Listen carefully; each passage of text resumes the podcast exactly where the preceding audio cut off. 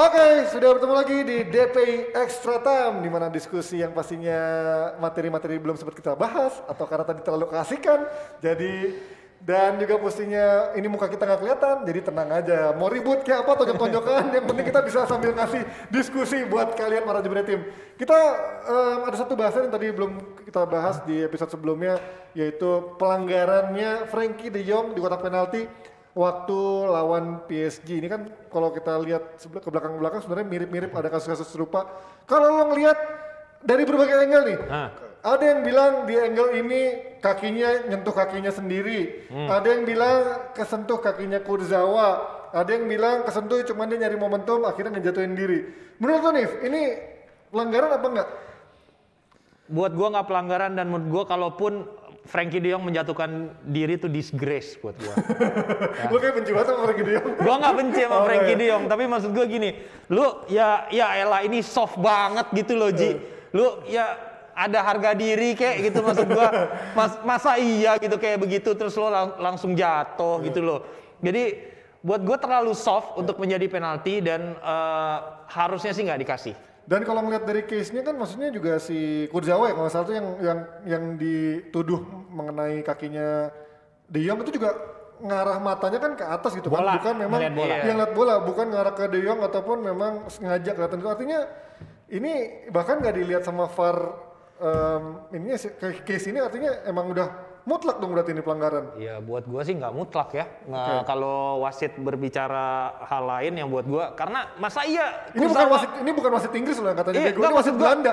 Sesama Belanda Dan, dan, dan Bjorn Kuipers ini kan salah satu wasit terbaik FIFA. Ya, dan orang Belanda juga dia. Iya, jadi Berarti kalau Belanda bagus-bagus ya. ya balik lagi ke peraturan pertandingan, sekecil apa pun obstruction yang terjadi di kotak penalti yang bisa merugikan pemain Peluang. penyerang lawan, Ya. itu udah pasti ganjarannya penalti. Dan orang sekarang bisa bilang, lu bisa lihat dari berbagai angle kan karena kamera. Oke. Ya kan, tapi di lapangan dengan kejadian yang sangat begitu cepat gitu. Bahkan VAR juga cek kan semalam Ya, gitu. loh. tapi nggak ini bukan yang diulang-ulang lama kayak Iya tren gitu loh, ya. karena ya kalau misalnya dibilang eh, itu sangat soft kata Hanif ya mungkin dia nggak pernah lari kencang masuk kotak penalti, Ya. disenggol sedikit aja ujung tumit lu, lu jatuh itu nggak perlu yang yang sampai lu nekel segala macem kan, lu kan main bola aja. Iya, iya.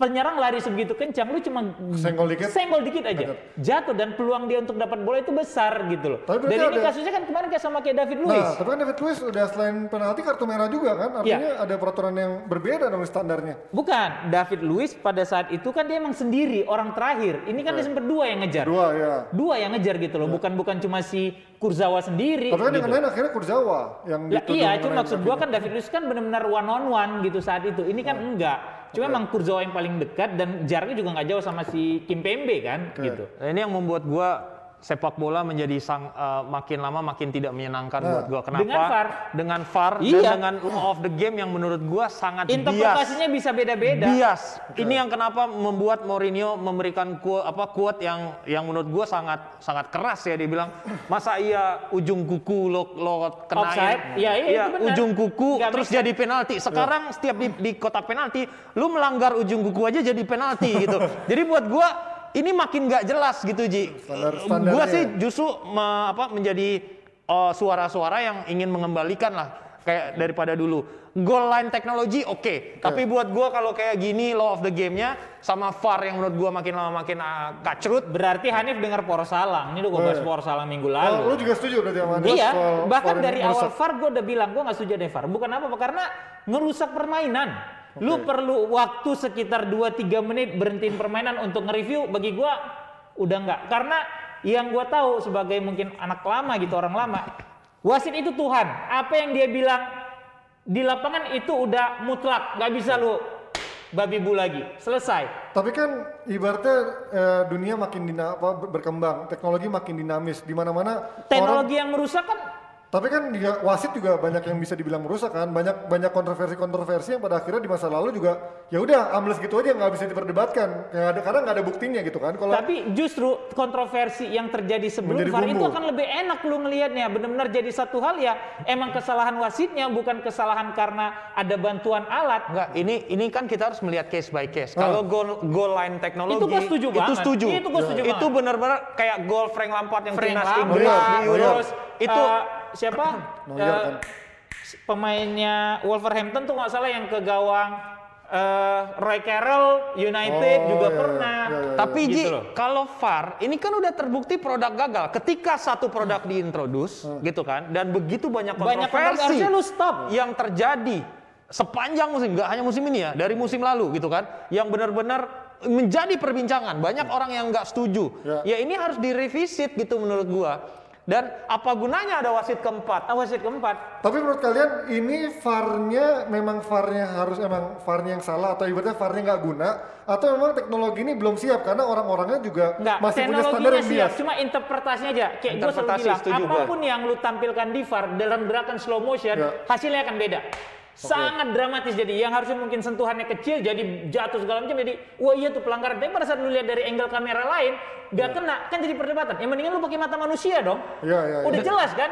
Once wasit bisa ketutupan sama pemain lawan sedikit ada kejadian jatuh dan feeling oh ini penalti. Selesai di situ gitu loh. Karena ada banyak banget case yang serupa tapi bisa beda hasil. Ya, itu berarti itu dia. tergantung masing-masing interpretasi wasit ya. Iya. Pada handsball paling gampang dengan VAR sekarang. Ya, ya, ya. Nah, ada ini yang United juga pernah kena tuh nggak salah siapa Lindelof apa siapa. Nggak nggak nggak penalti tuh Oh, iya, yang iya. kena karena dianggap tidak aktif segala macam gitu Nah, itu juga soal penalti, apa handsball di kotak penalti. Menurut kalian kalau dulu ball to the hand penalti Ya, bahkan dulu kan memang suka banyak pemain. eh sorry hand to Hand the to the ball ball. kalau ball to the hand nggak Ya. karena tangannya dihitung tidak aktif Tapi- jadi kalau lu nempel di badan Nah. bola kena itu nggak aktif gitu loh selagi lu tidak menghalangi laju bola Itu dulu. iya Kalau sekarang sekarang nempel juga kena kan Everton apa siapa Tapi kalau kalau tangan dalam posisi yang wa- Nggak aktif ya, netral kan ada wajar juga. aman kan? Kan ada juga yang Soalnya kan kalau zaman dulu kan gue ingat banget dulu Piala Dunia Roberto Baggio sengaja uh, nendang bola ke arah ke, tangan. ke, ke arah tangan gitu loh Tangannya padahal di bawah itu penalti. Kalau sekarang kan enggak. Ketika tangan lo ada di bawah, eh gue nggak nggak akan kelihatan juga ya. Ketika tangan lo ada di posisi yang dekat paha gitu, bukan keangkat gitu kan kena Ada bola. yang kena kan di di Inggris kan berapa kali Nah, ada itu, yang berarti begitu. emang beda-beda. Interpretasinya beda jadinya gitu loh. Jadi kalian setuju nih, sama-sama sepakat emang VAR itu Kalau guna. gue dari awal gue udah bilang gue tidak ya sebagai sebagai sebagai Bukan penikmat harus- sepak bola gitu ya gue nggak setuju ada VAR gitu. Kalau lihat deh semua statement sosok sepak bola ya, Ya. tentang VAR. Di awal introduce VAR, Pep Guardiola itu sangat mendukung. Wah, dia sekarang lihat aja dia sekarang lu lihat eh ngomong Pep Guardiola kalau ditanya soal VAR dia bilang no comment. No kok nggak berani dia protes. Bahkan kalau gue mau sebenarnya sebagai fans United, United adalah tim yang paling banyak dirugikan oleh keputusan VAR musim ini. Oh iya, iya itu ada. Paling banyak. Jadi kalau masih ada yang bilang VAR Manchester United, man, lu banyak-banyak baca biar pinter deh. Kalau dalam yang statistik itu paling dikit siapa bang? Liverpool. Enggak, Eh, satu sorry. lagi. Arsenal. Arsenal satu. Satu. Arsenal satu. Jadi kali ini Arsenal diuntungkan. Arsenal peringkat satu. Itu dia DPI Extra Time episode kali ini. Thank you udah dengerin. Jangan lupa dengerinnya di Spotify, bukan di YouTube bersama Hanif dan juga Bang Fuad. Sampai ke apa sampai ketemu di episode Spotify selanjutnya di DPI Extra Ngapain lu Time. ngeliat kamera? Bye bye. Oh iya, gue lupa. gue lupa lihat kamera.